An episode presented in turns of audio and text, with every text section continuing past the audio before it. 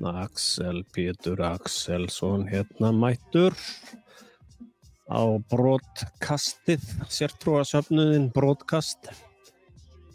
Hérna bóðum við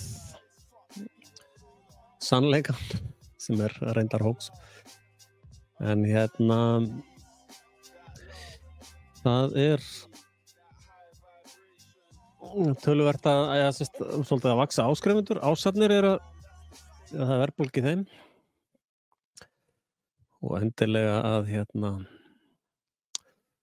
endilega að bóða ása erendið bóða fagnar erendið byggjum óta brotkasta safna sem flestum áskrifundum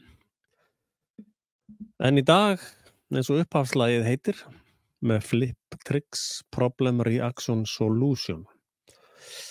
Þetta er svona kent í grunnskólanum á Frelsi TV yfir samsaringa fræði.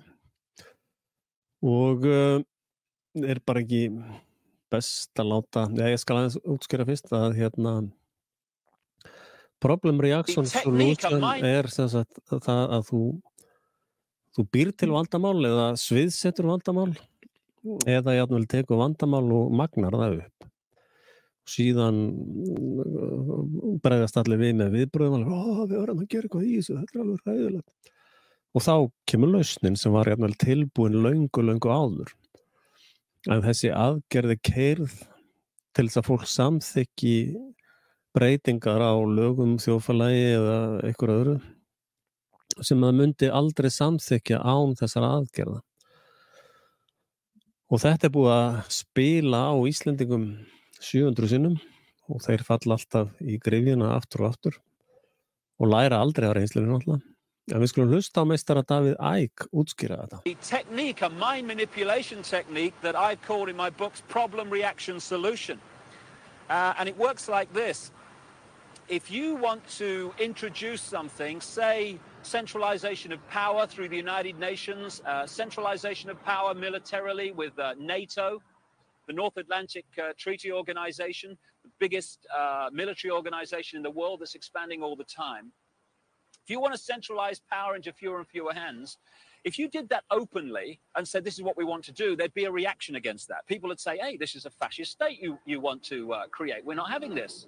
But through this technique of problem reaction solution, you can actually manipulate people to demand you do what you want to do anyway.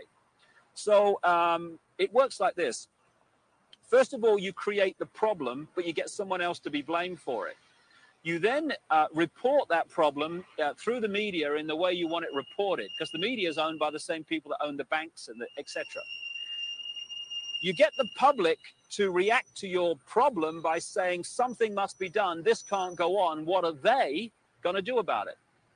And at that point, they who have covertly created the problem and blame someone else, who've gleaned that reaction of do something, then offer the solution to the problems they have created.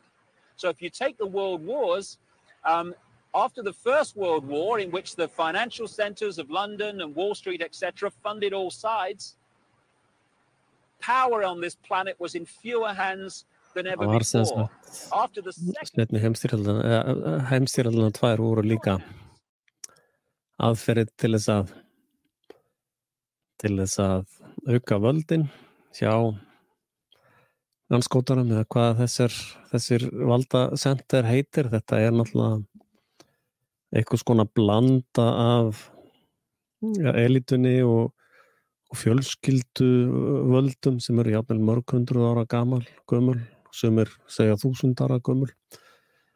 Að fara á hennir stýri ennþá. Einhverjar hafa verið með samsæriskenningar um að Obama sé afkomandi fara ás þannig að það var engin skortur á kenningum.